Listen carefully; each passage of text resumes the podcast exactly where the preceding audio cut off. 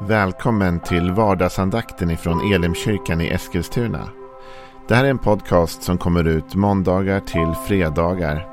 Om du vill veta mer om vilka vi är, vad vi tror på, hur du kan komma i kontakt med oss eller vad vi kan erbjuda dig för någonting så gå in på www.elimkyrkan.com. Du får jättegärna gå in och likea vår Facebook-sida. Det är facebook.com elimeskilstuna. Eller så söker du upp oss på YouTube och då söker du på Elimkyrkan Eskilstuna. Vi vill jättegärna komma i kontakt med dig. Men nu lyssnar vi till dagens andakt. Välkommen till vardagsandakten den här tisdagen. Det är en vecka då vi har valt att sätta fokus på tro. Och vi har valt att göra det utifrån en berättelse som handlar om eh, att Jesus och hans lärjungar de är ute och går på väg från Betania. Och när de är ute och går där så på håll så ser Jesus ett träd. Och det råkar förefalla sig så att Jesus också är hungrig. Så Jesus tar sig dit för att se om det finns någonting att äta på det här trädet. Kommer dit, hittar ingen frukt och blir upprörd. Va? Han är hungrig och trött och hade verkligen sett fram emot det här. Så han förbannar det här fikonträdet. Och dagen efter så när hans lärjungar kommer dit så har fikonträdet dött. Petrus reagerar på det och det ger Jesus ett tillfälle att undervisa dem om tro. Och jag tänkte att vi ska idag läsa det här när de kommer förbi där igen. Och så ska jag dela några tankar med dig. Och då läser man det från Markus 11, vers 20. Tidigt, när de tidigt nästa morgon gick förbi fikonträdet såg de att det hade vissnat ända från roten. Petrus, han kom ihåg vad som hade hänt och sa till Jesus, Rabbi, se fikonträdet som du förbannade har vissnat. Jesus svarade dem, ha tro på Gud. Jag säger er sanningen, om någon säger till det här berget, lyft dig kasta dig i havet och inte tvivlar i sitt hjärta utan tror att det som han säger ska ske, då kommer det att ske för honom. Därför säger jag er, allt vad ni ber om och begär, tro att ni har fått det så ska det bli ert. Och när ni står och ber så förlåt om ni har något emot någon. Då ska också er far i himmelen förlåta er era överträdelser. Jesus har tro. Han uppmuntrar dem att ha tro på Gud. Det var det vi talade om igår. Det är flera saker i den här texten som vi kommer lyfta fram under den här veckan.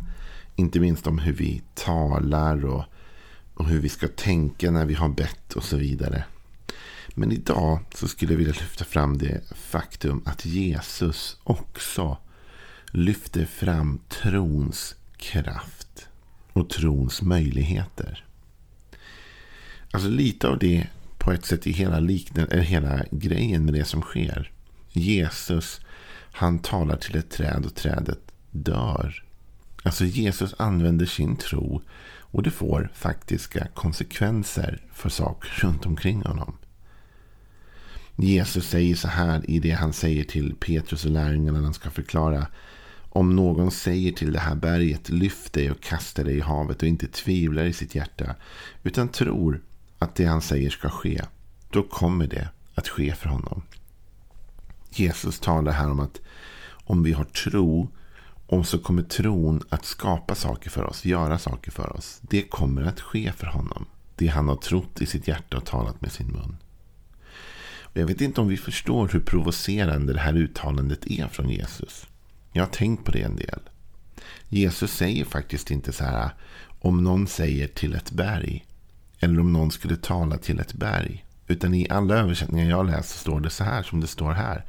Om någon säger till det här berget. Så Jesus står troligtvis i närheten av ett berg. Hur stort kan ingen veta. Vi var inte där. Men det finns troligtvis någon form av berg i närheten av Jesus. Och Jesus säger att om någon säger till det här berget. Kan du tänka dig att stå bredvid Jesus? Och Jesus pekar på ett faktiskt berg. För ofta vill vi, jag har hört många tala om, och det är inte fel att applicera det så. Men det här bibelordet som liksom att du kan ha berg i din väg, du kan ha problem, svårigheter. Och så vill vi göra det här berget till mer en symbolik för typ av problem. Och så är det ju såklart. Och så använder jag det också ibland.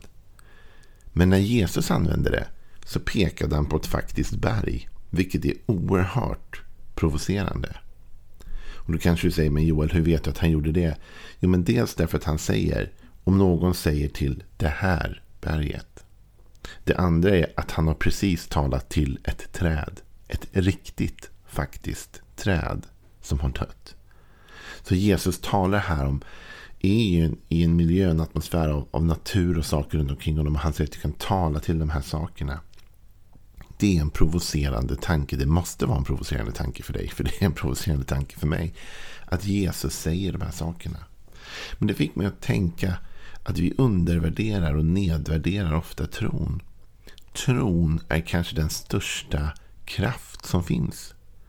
Aposteln Johannes säger att detta är den seger som övervinner världen, vår tro. Tron är kraften som gör oss till segrare, till övervinnare.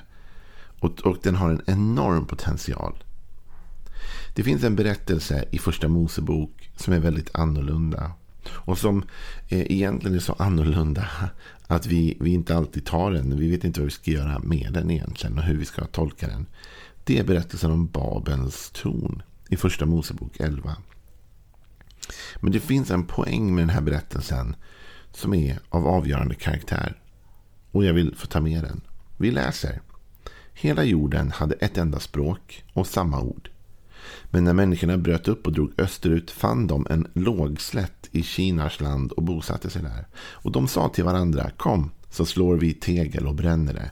Teglet använder de som sten och som murbruk använder de jordbäck. Och de sa, kom så bygger vi oss en stad och ett torn med spetsen uppe i himmelen. Låt oss göra oss ett namn så att vi inte sprids ut över hela jorden. Då steg Herren ner för att se på staden och tornet som människorna byggde. Och Herren sa, se, de är ett enda folk och de har ett enda språk. Detta är deras första tilltag. Härefter ska ingenting vara omöjligt för dem vad de än beslutar sig för.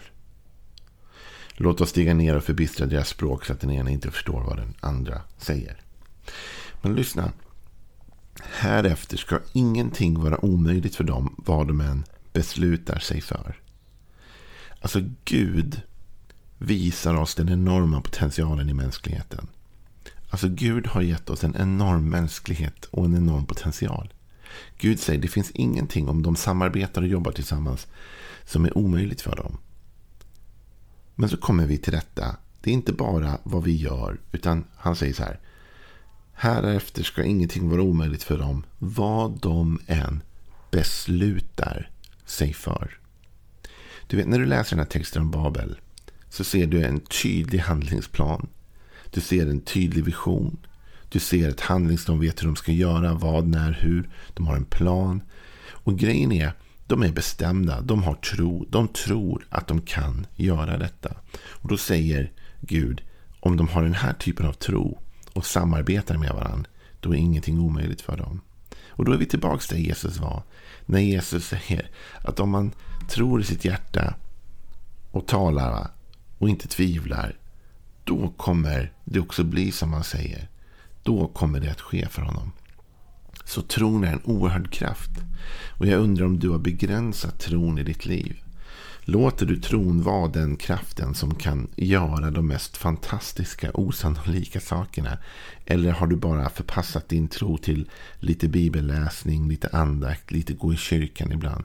Eller är din tro en kraft i din vardag? Vi måste förstå att Jesus här utmanar oss att använda oss av vår tro.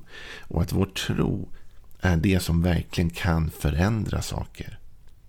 Tron har avgörande betydelse. Beslutsamheten, övertygelsen har avgörande betydelse för vårt resultat. Och då kommer vi till en situation där Jesus och lärjungarna får olika resultat. Och vi var inne på det här tror jag igår. Men jag vill läsa lite mer ur den här berättelsen om pojken, eller pappan vars pojke har problem. Och så vill jag att du tänker på vad Jesus säger här.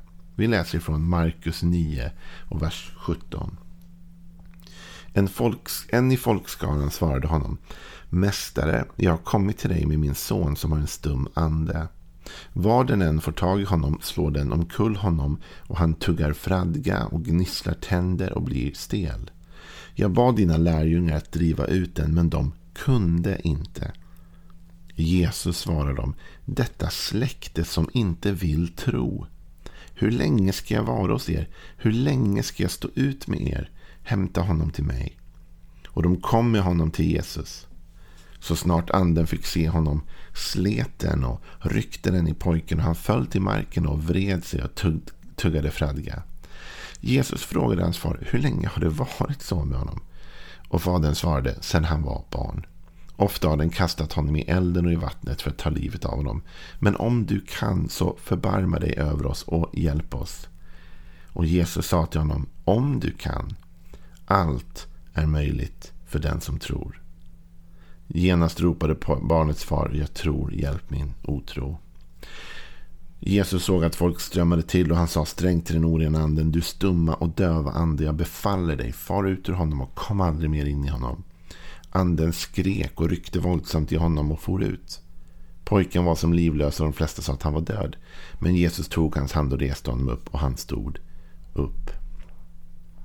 Det är en fantastisk text det här egentligen. Och vi förstår att Jesus säger till lärjungarna att de inte vill tro. Eller inte har tro eller förmåga att tro här. Jesus lyckas med det lärjungarna misslyckas med därför Jesus har tro. Och Jesus när han talar till pojken, för han talar till den anden och han, han bestämmer, precis som Jesus sa att vi skulle tala till berget, så talar här Jesus till pojken. Jesus säger, du stumma och döva ande, jag befaller dig. Far ut ur honom och kom aldrig mer in i honom igen. Jesus talar de här orden i tro, i övertygelse. Han är förvissad om detta. Han vet att tron har kraften med sig. När lärjungarna talade kanske talade de samma ord. Men det fanns inte tro och övertygelse bakom. Men Jesus hade det.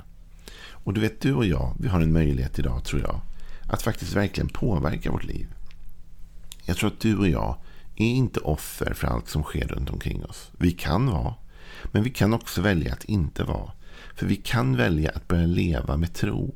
Tänk att du och jag har tillgång till en sån kraft som till och med kan få träd att dö och berg att flytta på sig. Den kraften finns i ditt liv idag. Så om du känner att jag är kraftlös, jag har ingen ork, jag har ingen möjlighet. Vet du vad, det är inte riktigt sant. Det är vad du känner, det är vad du upplever just nu. Men om vi ska vara ärliga så har du tillgång genom din tro till en enorm kraft. Eller hur? Den kraft som verkade i Jesus när han uppväcktes från de döda, säger Bibeln, bor i dig som har tagit emot Jesus. Så den här kraften finns inom dig, i ditt hjärta. Så du och jag får våga att bara koppla in i den. Så jag vill utmana dig idag att tro på trons möjligheter. Att inse det. Att det finns en enorm potential. Jesus sa om någon säger till det här berget, lyft dig och kasta dig i havet och inte tvivlar i sitt hjärta, utan tror att det han säger ska ske, då kommer det att ske för honom.